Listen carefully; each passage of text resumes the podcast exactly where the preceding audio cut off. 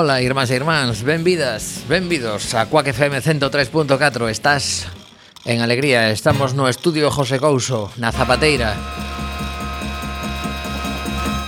Mr. Bugalú e Tommy Desastre seremos os responsables de levar adiante este programa que terá como convidado especial ao concelleiro de mobilidade do Concello da Coruña, Daniel Díaz Grandío, a iso das seis e media Eh, se queres mandarnos algunha pregunta para el, aproveita que temos WhatsApp ou Telegram 644 737 303 644, xa terías que telo no teu móvil 737 303 Pero bueno, hai que dicir que hoxe é o Día Mundial da Poesía e que Mariano e Maiseu comezamos hai case 21 anos nesta emisora facendo varios programas e un deles chamábase O lado escuro do corazón e tiñamos como mm, escritor de referencia a Mario Benedetti, así que despois da primeira canción do programa, pois leremos unhas, unhas fraseciñas, un, un poema de Don Mario.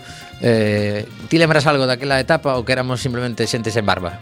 Eu lem... Non, eu xa tiña, eh? Eu xa tiña, eu xa tiña barba, que conste. Eh, que lembro que, me, que Benedetti estaba vivo.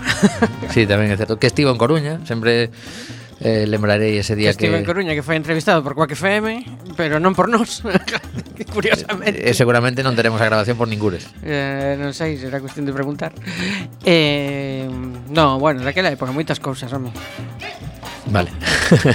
falaremos diso. un tupido velo. Falaremos diso a vindeira semán porque achégase o vixésimo primeiro aniversario de Quack FM que mm, é, é rapidiño de dicir pero iso, se si multiplicamos por 365 días eh, 21, pois dá unha cifra que pode dar bastante medo. E se ademais multiplicamos por 24 horas ao día de emisión pois máis medo aínda. Pero bueno.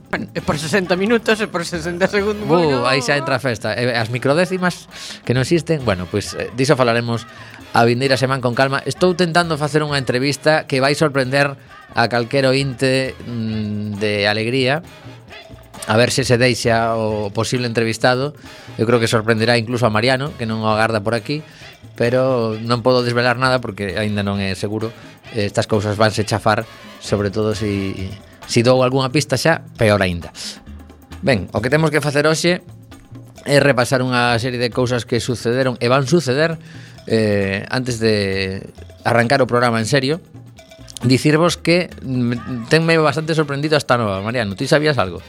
Atención. A ver, se non me dis a nova, dificilmente. Bueno, claro, claro, espera un segundo. Esta é unha nova de hoxe mesmo que está publicada en varios medios, pero eu pilleina de La Opinión a Coruña. A Xunta de Galicia suspende mañá e pasado o transporte escolar en 176 concellos polo mal tempo. Flipa. Por mal tempo. Sí, sí, sí, sí. Oxe. Tamén cancela mañán e pasado. Ah, Tamén e pasado. cancela as actividades no exterior dos colexios. O mal tempo polo que se agarda un fenómeno meteorolóxico que alcanzará os niveles amarelo e laranxa motivou que a Consellería de Educación cancele mañá e pasado parte do transporte escalor nalgúnas zonas de Galicia. Carallo, 176 concellos e sí, moitas bastante, zonas, sí, eh. Bastante. A mesma o mesmo motivo provoca que tamén ordenaran a suspensión das actividades exteriores nos colexios así que preparadevos. Eh, neste caso, pois son na provincia da Coruña son 23 eh, afecta sobre todo a Lugo e Ourense. Pero bueno, deixoume así bastante abraiado e decidín compartilo porque mm, empezábamos onte a, a primavera e mira, xa temos aquí o primeiro supertemporal. É dicir tamén que aos que nos gusta o rock and roll, pois a nova que recibíamos o sábado pola noite deixounos así, a ver, ten nove, tiña 90 anos Chuck Berry e tampouco é un sorpresón, pero curiosamente dende o ano 79 non sacaba disco e anunciara aí pouquiño que iba a sacar un novo disco con material eh, no, o sea, con cancións novas evidentemente soarían as de sempre Si, sí, pero... me ia dicir deixes de acompañar material novo no. Pois pues, sí No, eh, no 61 O que, o que non sei é eh, se xa estaba grabando eh, quedou a medias ou non Pero bueno, hai que recordar a este guitarrista que estivo en Coruña no ano 93 ese eh, festival dos Milanos que Mm, mm, seguirá falándose del mm, por parte de calquera que nos guste o rock dentro de outros mil anos. Curiosamente, porque... un músico negro que tocaba como un, como a un branco, non? Sí, de, sí justo de, revés do habitual. De feito, de alguna forma, topou aí o filón en, en buscar sonidos bastante agudos para que a xuventude negra entrase por aí. Eh, hai unha foto bastante mítica que, que está el nun, nun coche eh, descapotable espectacular e un montón de branquiños de 18 anos aproximadamente eh, flipando, ¿no? en plan, uf, o noso ídolo. Mm. Eso ten que para a comunidade negra un, tiña que ser un, un puntazo. Un eh. tipo peculiar, ademais. Eh? Bueno, bueno. Habería moito, moito que falar deste home, pero bueno, imos eh, avanzar no programa... E, e non necesariamente sempre para ben. Ah, non, non, non. No. era un bo peixe. Sí, era, era moi curioso a, a sistemática que tiña para facer xiras en cada localidade tiña unha banda que o promotor contrataba, que se aprendía as súas cancións, el chegaba ali sin, sin coñecer a, aos músicos, na maioría das ocasións, eh, poñense a tocar, eh, facía un show así bastante cortiño en xeral, eh, cobraba e pirábase. Así, a su bolita. Sí, sí, sí. sí. sí bueno. Personaxe. Bueno, sí. pois pues escoitamos Maybelline, unha das clásicas. Música you be true? Oh, Maybelline, why can't you be true? You done started doing the things you used to do. As I was motivating over the hill, I saw Maybelline in a coupe de ville, a Cadillac rolling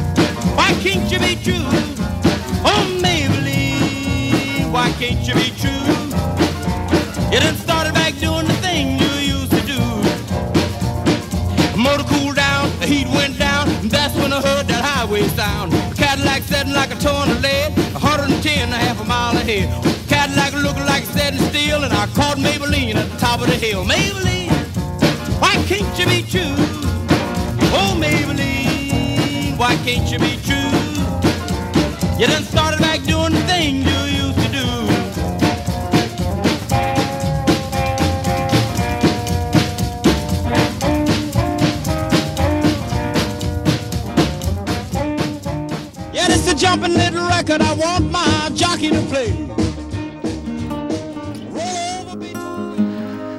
Tiña ganas de cantar, Chuck Berry. Atopei outro día cando buscaba algún vídeo eh, deste home, atopei un, unha grabación con, con John Lennon que estaban a pasar ben porque entrampallou un pouco co cable da guitarra eh, Chuck Berry cando ia a comenzar e puxese John Lennon a facer o tonto así como se si estivera medio coxo por ali.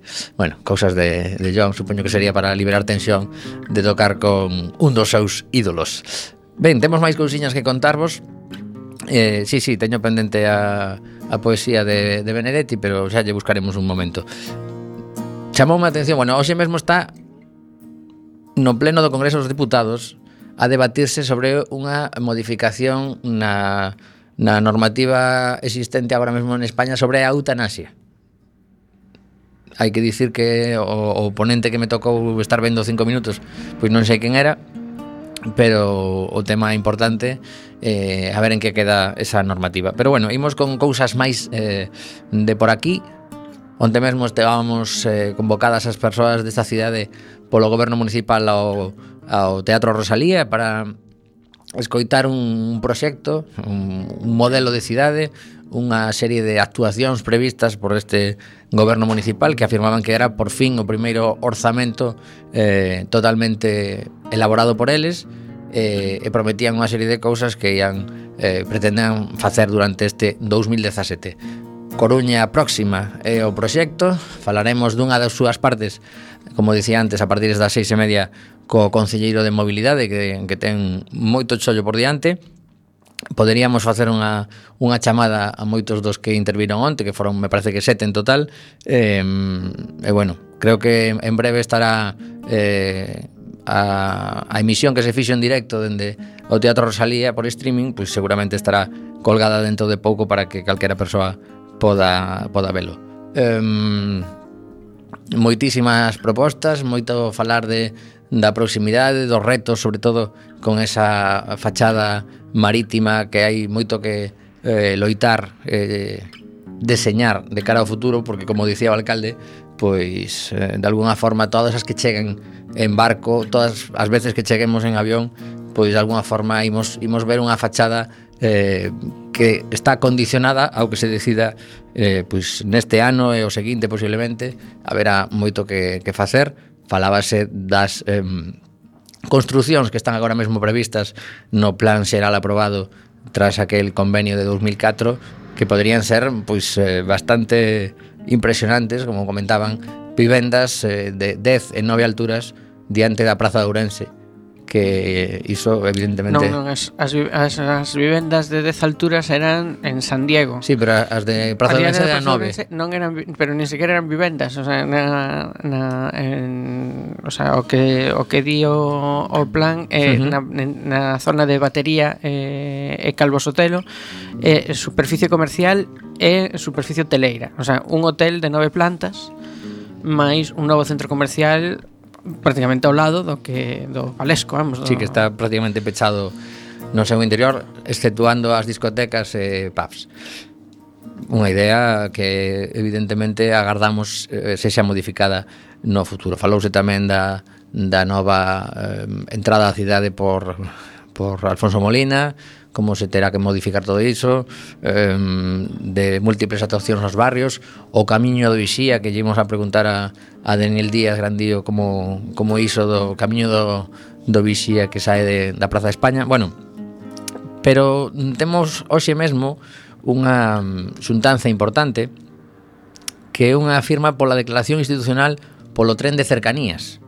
Eh, nove municipios, se non me equivoco, O, o eixe de municipios entre a Coruña e Ferrol únense por unha mellor conexión de tren.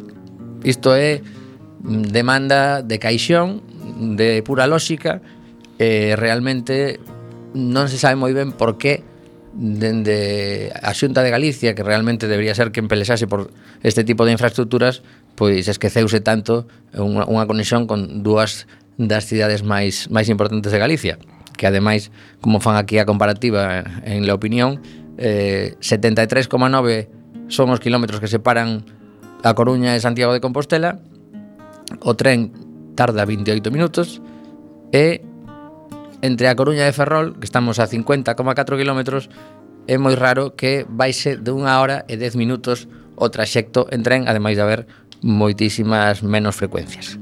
Por lo tanto, onte o que se asinaba por parte de, destes eh, municipios eh, pois será unha, unha declaración de queremos ter unha alternativa para viaxar entre a Coruña e Ferrol. E as, as localidades que quedan polo camiño pois nun, nun tren de cercanías como teñen, pois, se estou pensando en Madrid, pois vas a Tres Cantos, vas a Alcorcón. A ver, isto que ten interesante é que seguramente serán uh, municipios de distinta cor política uh, funcionando, operando uh, nun, nunha acción de que podemos dicir de ben común, non? Cousa que se bota en falla mm. uh, habitualmente. Eh, logo, o, bueno, por que non se fai? implica, eh, sí que é certo que implica uh, unha infraestructura ferroviaria. Eh, porque tal como está agora mesmo o trazado, pois os, o sea, tarde, tardase tanto porque porque non porque, se pode correr. Pois non, non só porque non se poda correr, que senón porque porque o trazado é un pouco retorcido, o sea, hai que ir ata infesta, logo, o sea, Mm, digamos que habería que facer unha, unha un, seguramente unha infraestructura para, para facelo moito máis operativo e que non haxa necesidade de desviarse moitísimo do, do traxecto como ata o de agora. De feito xa está deseñado ese, digamos, ese ese, esa ruta alternativa para, para favorecer a, a comunicación, quer dicir, en algún momento estivo nos plans do Ministerio de Fomento ou de ou de eh, Renfe ou de Adif agora, non? Eh, facelo, pero eh, un pouco de sempre, non? Por algunha razón Um, eu tamén falaría, bueno, se pode falar logo con, con Daniel Díaz que é un experto nesto, pero pero tamén hai unha, o sea, hai un, un problema co co transporte metropolitano que eu non acabo de non acabo de comprender, hai uns bloqueos enormes. Eu lembro tamén eh, que, que un, un, hai un tempo aquí Llollaneira nos falaba precisamente das, das dificultades, e que lembrar que Llollaneira tamén foi concelleira de, de mobilidade, e que nos falaba dos, das, dos enormes problemas que, que, que ten plantexar alternativas no, no transporte metropolitano. O sea, que hai unhas resistencias moi grandes, eh, eu supoño que tamén haberá uns intereses notables por parte de, de bueno, de, de empresas que teñen intereses económicos, eh, ben no transporte privado, ben no transporte por estrada, non? Uh -huh. Neste caso. Un recente informe elaborado polas universidades galegas para o clúster do turismo de Galicia aseguraba que a precariedade de horarios do tren de cercanías non só resta oportunidades de mobilidade aos habitantes destas tres comarcas, senón que tamén reduce a competitividade económica da zona. Aquel informe tamén facía eco da discriminación eh, padecida polo tramo entre a Coruña e Ferrol en comparación co resto da conexión atlántica que conecta con Vigo. É tal a diferencia entre as dúas situacións de Galicia que un usuario da Coruña ten maior facilidade para desplazarse a Vigo que a Ferrol vía ferrocarril, aínda que a periferia da cidade departamental pode ser observada dende o monte de San Pedro.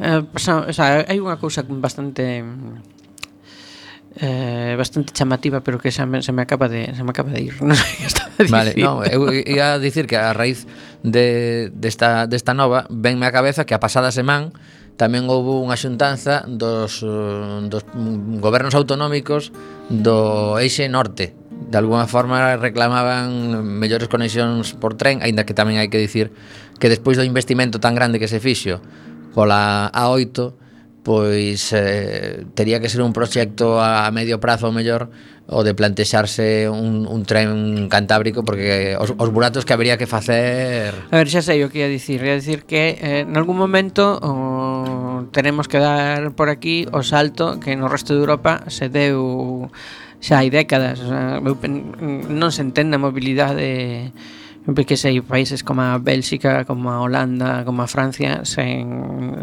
sen nodos ferroviarios de, de redes ferroviarias de cercanías que, que funcionen dun xeito bastante óptimo, xa non só a nivel de transporte de mercadorías, senón tamén de pasaxeiros.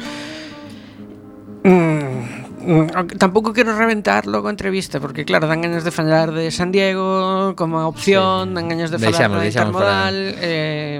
a ver, a que nos dá tempo porque teño, teño bastantes eh, cousas das que comentou onte pois para, para preguntarlle pero bueno, malo, malo será que, que non se tempo a facer unha reflexión sobre esa Intermodal e as posibilidades de, de San Diego tamén pero mm, imos avanzar nestes, nestes minutos que quedan antes da entrevista con, con outra das cousas que me chamou a atención destes días. Eh, parece unha cuestión menor, e pode que, se, que sexa así, pero realmente chama a atención que por un tema do famoso eh, certificado digital, que é algo que estamos a sufrir moitos cidadáns neste país, as dificultades que temos para presentar documentación eh, nas sedes electrónicas dos diversos organismos, pois agora eh, publicase hoxe mesmo, hai dúas horas, unha noticia moi reciente, que eh, a Axencia Galega das Industrias Culturais, coñecida por Agadic, pois resolveu a solicitude de, de axudas do audiovisual e quedaron fora, atención Mariano, por un defecto de forma. Decidiron a última hora estas eh, catro eh, estes catro festivais que vou nomear decidiron desesperados xa de loitar coa, coa tecnoloxía meter por rexistro da Xunta de Galicia a solicitude de subvención e non ya concederon.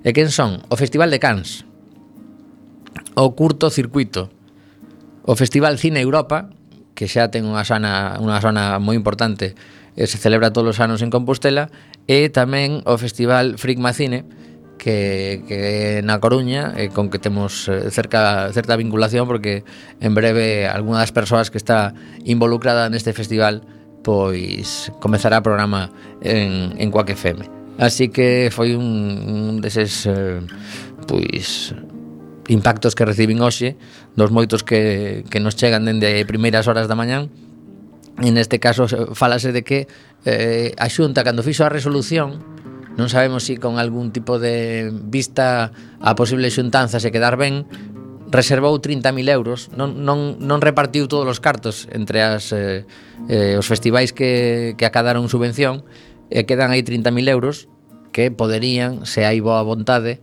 ao mellor pois recolocarse entre estes eh, catro festivais que neste momento quedaron sen, sen subvención e realmente mm, pois eh, por tradición e por e pola súa trascendencia parece que, que merecían que por un, por un tema mm, eso, dun, dun trámite administrativo que cada vez se complica máis porque era a primeira vez que non se podía nos anos anteriores xa se podía presentar telemáticamente, pero permitían tamén metelo por registro. Mm. En esta ocasión foi a primeira que só exclusivamente se podía meter por a través de certificado digital e polo visto non puxeron ningún tipo de teléfono de contacto en caso de ter problemas técnicos a, a que, min, a quen referirse. A mí pareceme perigoso ese tipo de ese tipo de práctica. Eh, Sí, pero a administración xa non, vai para aí. Sí, xa. sí, pero xa non cando xa non está, xa non cando falamos de subvencións, porque ao fin e ao cabo unha subvención é un, un algo un, auto, un acto voluntario que ti eh, afrontas porque queres, eh, bueno, se ten determinados requisitos, pois haberá os que que cumplir. Pero me refiro, por exemplo, a trámites obrigatorios que tes que facer para os que eh, de repente as institucións deciden eh, que é condición sine qua non ter un certificado digital. Eh, ah, e que pasa e por qué? Quero dicir, Pois pues que está así a normativa. Bueno, pero pero hai que contar coa que hai, existe unha cousa que unha que se chama fenda digital, que non todo o mundo ten ten competencia nin habilidades eh, nesa materia e que logo oh, a nivel informático, puramente técnico, eh, pois mm, se, se exixen porque porque se permite traballar cuns determinados estándares de software e outros non, non? Por exemplo, porque como a ti te traballes con software libre, eh, pois hai algunhas cousas que podes flipar para para facer trámites que ademais, insisto, son trámites obrigatorios. Sí, sí, sí, sí. Que te tens que ir a buscar un ordenador con software comercial, pois porque a administración lle apetece, quero dicir, se, Ou se vas... contratar a un xestor profesional que che faga. Bueno, claro, pero quero dicir, iso non é correcto. Eh, se, se vas facer algo algo de obrigado cumprimento por vía telemática, pois terás que poñer a disposición das persoas pois eh, os medios ou facilitalo suficientemente como para que sea moi doado a acceder a, aos medios que se requiren, non? Bueno, eso igual que cando entras en algunhas páxinas oficiais eh, o teu antivirus tolea porque resulta que non teñen cousas como actualizado o certificado de seguridade da páxina web, non? Uh -huh. Cousa que calquera que traballa con agencia tributaria, por exemplo, ten, terá eh, experimentado en múltiples ocasións.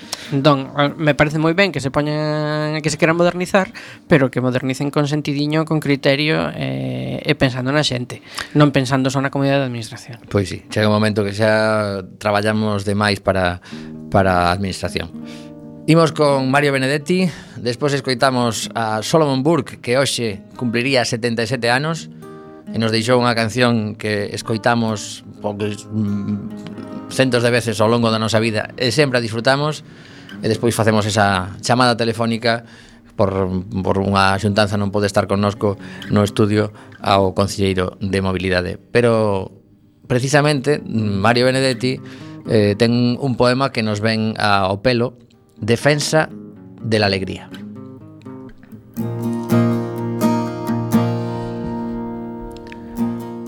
Defender la alegría como una trinchera, defenderla del escándalo y la rutina, de la miseria y los miserables, de las ausencias transitorias y las definitivas, defender la alegría como un principio, defenderla del pasmo y las pesadillas, de los neutrales y de los neutrones, de las dulces infamias y los graves diagnósticos, defender la alegría como una bandera, defenderla del rayo y la melancolía, de los ingenuos y de los canallas, de la retórica y los paros cardíacos, de las endemias y las academias, defender la alegría como un destino, defenderla del fuego y de los bomberos, de los suicidas y los homicidas, de las vacaciones y del agobio, de la obligación de estar alegres.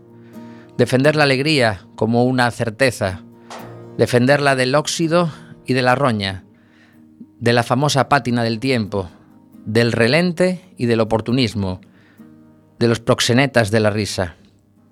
Defender la alegría como un derecho y defenderla de Dios y del invierno, de las mayúsculas y de la muerte, de los apellidos y las lástimas, y las lástimas del azar, y también de la alegría.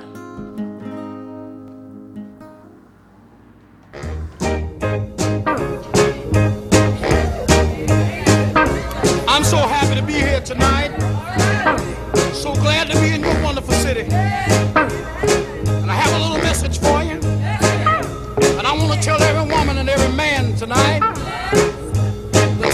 Needed someone to love, that's ever had somebody to love, that's ever had somebody to understand, that's ever had someone that needs your love all the time. Someone that's with them when they're up, somebody that's with them when they're down. If you had yourself somebody like this, you better hold on to them. Let me tell you something. Sometimes you get what you want, and you lose what you have. And there's a song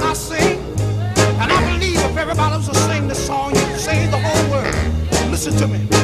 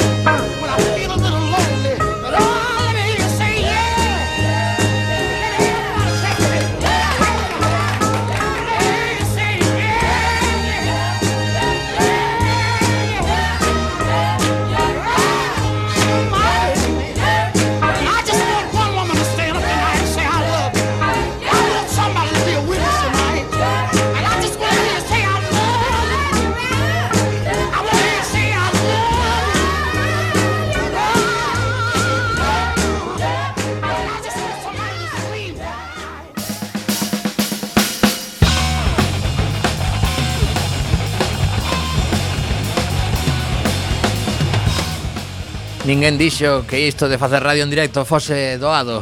Temos ao concelleiro aínda na xuntanza que lle impediu lle impediu se subir ata a Zapateira Así que nos continuamos eh, con outros contidos que tiñamos aí na recámara Por se facían falla E agardamos falar con el dentro duns minutos A ver se, se non se alonga demasiado esa xuntanza eh, eh, temos esa, esa posibilidade.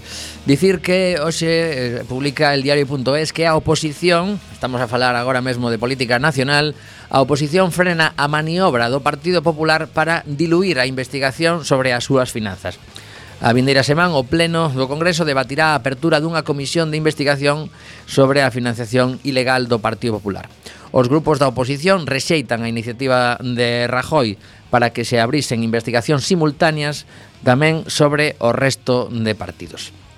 Vemos unha fotografía no que está Alberto Garzón. Teñen un morro. Home, son profesionais. Leva moitos anos nisto, Mariano, non acaban de chegar. Bueno, o que, o que é interesante é que temos outra institución que o mellor a Mariano lle soa de algo, que se chama el Senado, onde o Partido Popular ten maioría absoluta. E sabes o que vai facer o Partido Popular no Senado? Bloquear, supoño. Non, non. Van a investigar ao resto. Aos out Aos outros. Claro, tiñan aí, polo visto, unha iniciativa, eh, unha emenda agardada no caixón e aproveitando que os eh, demais van a polas súas finanzas, pois eles investigarán, in, iniciarán os trámites para ter unha comisión de investigación dentro do Senado sobre a financiación dos partidos. Entendemos que eles tamén non se excluirán directamente, pero van a aproveitar esa maioría absoluta no Senado para esta xogada. Mira que ben. Bueno, a ver se lles pillan os demais pagando a súa sede en B pois sería unha cousa curiosa porque ademais outra das novas de hoxe eh, ás 13.41 publicaba el diario.es o ex senador Luis Fraga admite que recibiu cartos da Caixa B do Partido Popular. Recibiu en concreto 9.000 euros da contabilidade opaca do partido que en teoría estaban destinados para sufragar as súas campañas persoais. Bueno, son do partido pero ao final repercuten en que este home sexa senador eh, as candidaturas do ano 2004 e 2008 para ser senador. Eh, o senador Luis Fraga recordou este martes, ou seja, eh, ou seja, mesmo pola mañán, ante o Tribunal da Audiencia Nacional que xulga aos 37 acusados pola presunta participación na primeira etapa de actividades da trama Gürtel, estamos a falar de 1999 a 2005, que recibiu 9.000 euros da Caixa B para sufragar os gastos das campañas nas súas candidaturas ao Senado de Guadalaxara. E na segunda ocasión, 2008, por Cuenca, nos chamados papeles de Génova. Así eh, o comentou o sobrinho do fundador do Partido Popular, este é Luis Fraga, é sobrinho de Manuel Fraga. A preguntas da fiscal Concepción Sabadell, que tamén lle, mm, lle preguntou se recibira retribucións do Partido Popular sen declarar. Eh, mm, mm, mm. Esto igual non pasaría tanto se, se eh, os partidos políticos tivesen un nivel de financiamento e un modelo de financiamento pois coherente coa súa actividade. Bueno, hai que dicir que um, o problema Levamos anos dicindo en alegría tal cousa, pero, sí, pero ninguén tamén... toca a lei de partidos, eh? Bueno, pero hai que dicir tamén fin... a lei de financiamento de partidos non a toca si, ninguén. Si de alguna forma en algún momento se fixera unha lei eh, un pouco máis xusta da actual porque o reparto que se fai de cartos é moi desproporcionada e premia moito ao que xa ten moitos moitos Sí, bueno, tal. pero eso sobre todo de cara ás campañas, que eh, Sí, bueno, bueno pero estes, car estes cartos, estes cartos en concreto, en teoría, Sí, vai en proporción, que... o sea, vai... No, no, estou falando dos cartos en B que, que recibiu este, lle daban cartos para claro. que fixera publicidade da súa candidatura. A ver, entón, sí. aquí o, o que pasa é que estes señores levan moitos anos xogando con trampas. Eh, a ver, un equivalente ao doping. Claro, non? outra Digamos. cousa, outra cousa que poderíamos chegar a investigar se outros tamén o fixeron. Mm, a ver, eh, pasan, pasan varias cousas. Primeiro, o financiamento está vencellado ao, directamente aos resultados electorais. De xeito que, claro, cando faz depender o financiamento dos resultados electorais, que acontece? Pois acontece que eh, os que gañan pois teñen máis recursos que os que non gañan. Entón, eh, logo lles resulta máis dado gañar, non? Uh -huh. Bueno, eso eh, semella evidente. Que, mm, tamén é certo que eh, a, aquelas forzas políticas que teñen responsabilidades pois eh, eh, precisan mm, máis fondos para, para traballar e para operar porque teñen máis responsabilidades, non? Non é o mesmo ter un, un concelleiro no mundo que, que ter 60 deputados, ter parlamentarios nas 17 comunidades autónomas, eh, bueno, quero dicir, en 500 mm, concellos, non? Entendo que que que que haxe unha certa lógica. Eu non digo que teña solución, eu só digo que evidentemente a Uh, non digo que os políticos estean mal pagados, digo que a política está mal financiada, mal organizada, e que cando iso acontece, pois eh, se abre a porta a malas praxes Uh -huh. eh, eh, bueno, aí está, non? A demostración, non estou tampouco inventando a, descubrindo a pólvora. É unha cousa que vemos todos porque ata agora prácticamente todos os partidos importantes tiveron problemas no seu financiamento dun ou doutro ou doutro tipo, non? dende o sea, o sea, no Partido Popular venden antes de chamarse o Partido Popular o famoso caso Naseiro pero o Partido Socialista tamén tivo os seus problemas e, bueno, a ver mm, algo está mal cando todo o mundo está pisando a liña con, continua, non? Se tes un, algo está mal sinalizado. Sí, o que pasa que tamén... E a maiores está que... a sinvergoncería que tamén houbo abondo, e a maiores está o afán de lucro que tamén houbo abondo, e a maiores está todo demais. Bueno, o que pasa que habería que ver ata que punto mm, é realmente necesario para os partidos gastarse os cartos que se gastan, por exemplo, en enviarnos a todas as persoas, aínda que sa saiban perfectamente, bueno, non o saben, pero ese, ese despliegue de das campañas que no, no o, o envío, simplemente o envío, o buzoneo que é super caro. É unha barbaridade sí. de pasta que se gastan e que realmente poderían aforrarse se non eh, tirasen destes cartos en en B, por Pero exemplo. Pero que eu non estou falando das campañas. Curiosamente. Claro. É o que digo que aparte que está mal financiada é o, é o funcionamento regular sí, dos bueno, partidos. Pero, pero onde, onde... As campañas evidente, as, as campañas evidentemente se gasta moi por riba das posibilidades que É onde é onde máis lle piden aos eh, empresarios que teñen posibilidade de aportar a esas campañas en contraprestación de futuros eh, favores. Mm. Moitas veces, claro. É que, Outra cosa é que lle guiñen o ollo e non lle digan directamente. Además, hai unha, hai unha cosa que a cidadanía seguramente non, non, non coñece, que é que eh, dependendo dos resultados, ti tes logo un retorno. Eh, quero dicir, ti podes facer unha campaña grandísima que se obtes uns grandísimos resultados, pois tampouco pasa nada porque eh, se reembolsan eses resultados. O problema é pinchar. Claro. O problema é que eh, ti fas unha campaña moi grande e tes malos resultados, porque entón aí eh, digamos que si, si non hai retorno. Si calculas que vas a sacar 100 diputados. E sacas 20 e, e fas in, o investimento como se si foses a, re, a recuperar pasta por 100. Claro. E, e logo... recuperas por 20, pois pues tes un problema. Pero gordo ademais. Oh, sí porque podes estar eh, a pufo durante moitos anos. De feito, non sei en que quedaron aqueles... Cousa que non estou seguro de que estea ben. Aquele, eh, aqueles por exemplo, esa é unha desas cousas que non, non estou seguro de que estea ben, ben feito. Por qué? Porque, evidentemente, todos os partidos políticos son susceptibles de ter un pinchazo e eh, se non poden cubrir eses gastos, que pasa logo?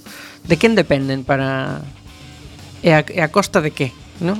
Pois moitas veces a, de verlle aos bancos unha pasta e, e ter eh, de alguna forma claro, igual, co condicionadas as súas actuacións. Igual había que establecer criterios de austeridade igualitarios para todos os partidos á hora de afrontar unhas eleccións.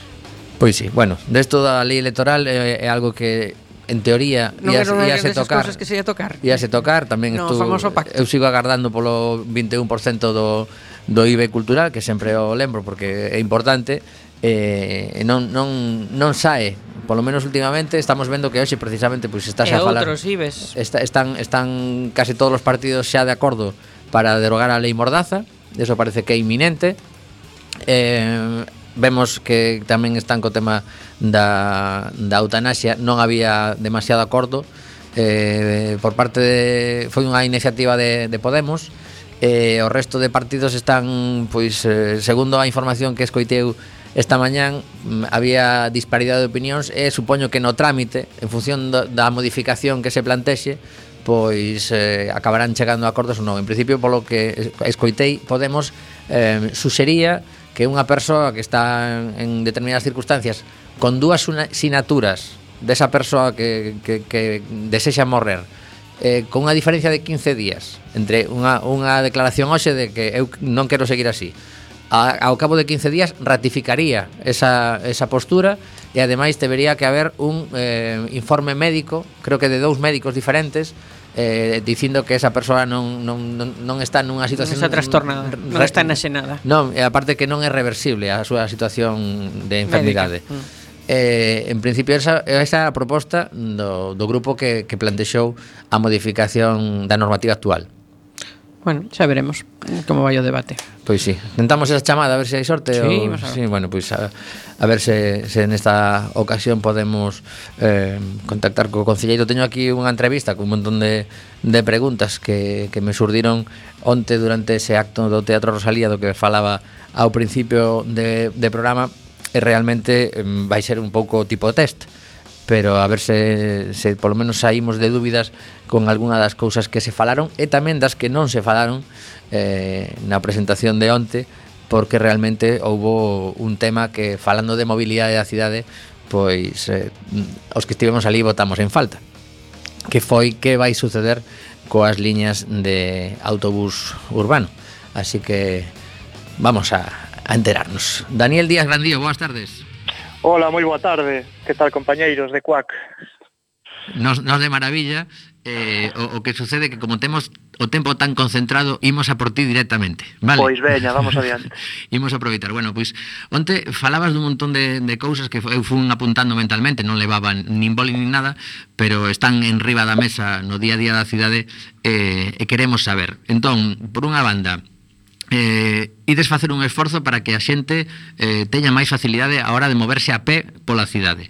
Eh, iso como se fai? Por exemplo, deixa, deixame apuntar que me parece unha idea que supoño que está en máis cidades, pero eu vina hai pouquiño en, en Pontevedra que esa, uh -huh. esa listaxe de canto tempo levaría ir dun sitio a outro a pé cando estás eh, pois, eh, saindo, por exemplo, da estación de trens de, de Pontevedra. Como, como ides facer vos?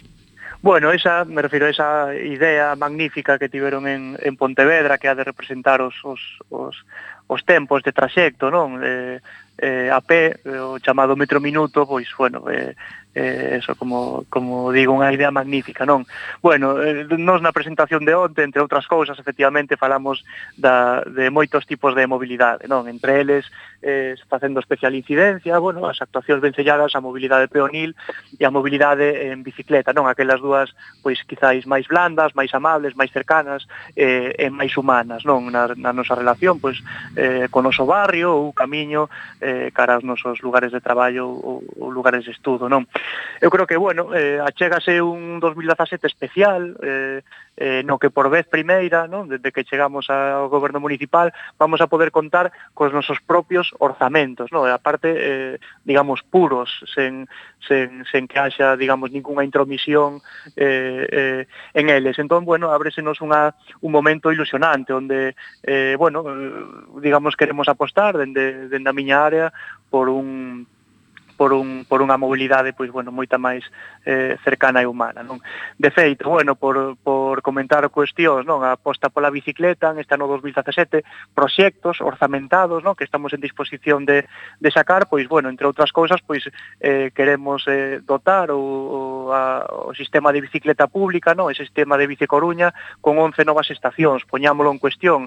Agora mesmo eh, temos unha rede, un servizo eh, tremendamente efectivo eh, e tremendamente tremendamente utilizado, que ten 22 estacións, vamos a crecer en 11, co cal a finais deste ano teremos 33 estacións e sobre todo eh, que fomenten o, o uso diario e rutinario non da bicicleta, fuxindo do uso eh, pois meramente recreativo. Uh -huh. eh, pois diferentes barrios, os principais xeradores de mobilidade como son os polígonos industriais. Falamos de barrios, haberá estación de bicicleta pública en Someso, eh, en Ventorrillo, en Elviña, en Oza, en Eirís, eh, eh, ou en durmideiras, non? pero tamén, como dicía, pois esos grandes xeradores de mobilidade que aparte son pois eh, a, aqueles usuarios que poden ser cautivados, non, pola pola bicicleta nos seus movimentos eh, recurrentes, non, os centros de traballo pouco maco, na Grela ou, ou centros como o Marineda ou incluso o campus del Viña, non? Uh -huh. Entón, bueno, eh, nos entendemos que este ano 2017 vai a ser un, un, un ano especial para Bici Coruña, pero, ollo, non só eh, é preciso para que a xente se suba, digamos, ao carro da bicicleta, eh, digamos, a propia bicicleta, senón tamén unha infraestructura non segura, eh, segregada do tráfico e continua que, que anime non só aqueles usuarios eh, expertos e avanzados e convencidos que os hai, e hai moitos, senón aqueles que eh, usuarios que dubidan de cando dar o salto á bicicleta, non? E por eso precisan pois unha serie de, de, de itinerarios que lles, que lles fagan sentir seguros, non? Para eso, bueno, eh, este ano 2017 estamos en disposición de que a rede eh, ciclable da cidade, que actualmente ten 17 km, crezca eh, ata, eh, ata os, os 29, non? Que crezca en 12 km. Uh -huh. Dinos un tramo concreto que nos vindeiros meses vai, vamos a, a poder disfrutar. Bueno, tenemos diferentes eh, diferentes escenarios, co obxectivo, eh, repito, que o de tecer rede, non? Agora mesmo temos un, un digamos, unha senda por o borde editorial de gran parte da cidade que está inconexa con outras actuacións, como, como se executaron outros momentos da, eh, por outros gobernos municipais, como ese carril bici universitario, non?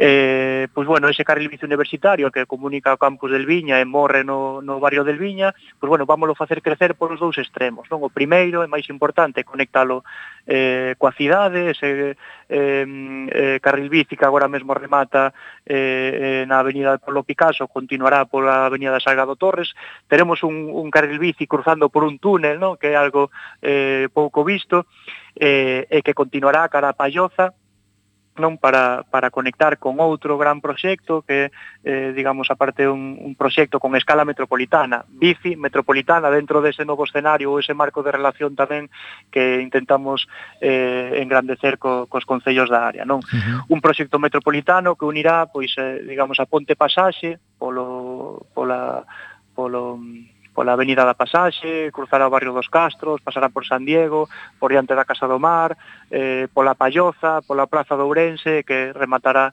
eh, na Mariña, non? Uh -huh. E bueno, e tamén outros proxectos que, eh, digamos, aproveiten a zona da cidade coa topografía máis favorable para o uso da bici, non? Que eh, ese carril bici que tamén tecerá a rede e que unirá todos estes tramos que, este, que estamos falando, que ese que unirá eh, pois, bueno, o barrio de Mato Grande coa Padioza, pasando por eh, lugares como Monelos ou eh, a Rúa Ramón y Cajal. Uh -huh. Temos que mm, aproveitar moito estes minutos que nos quedan, que son sete, e quero facer preguntas moi concretas. Uh -huh. eh, eu teño unha dúbida como usuario frecuente do paseo marítimo de, de Riazol, Gorzán, mm. Pregunta para o concelleiro que mm, debe saber ao 100%, pero eu non a teño nada clara. Sí. Quen ten preferencia nos cruces? cando veñen os que os que cruzan o semáforo cara ao paseo marítimo.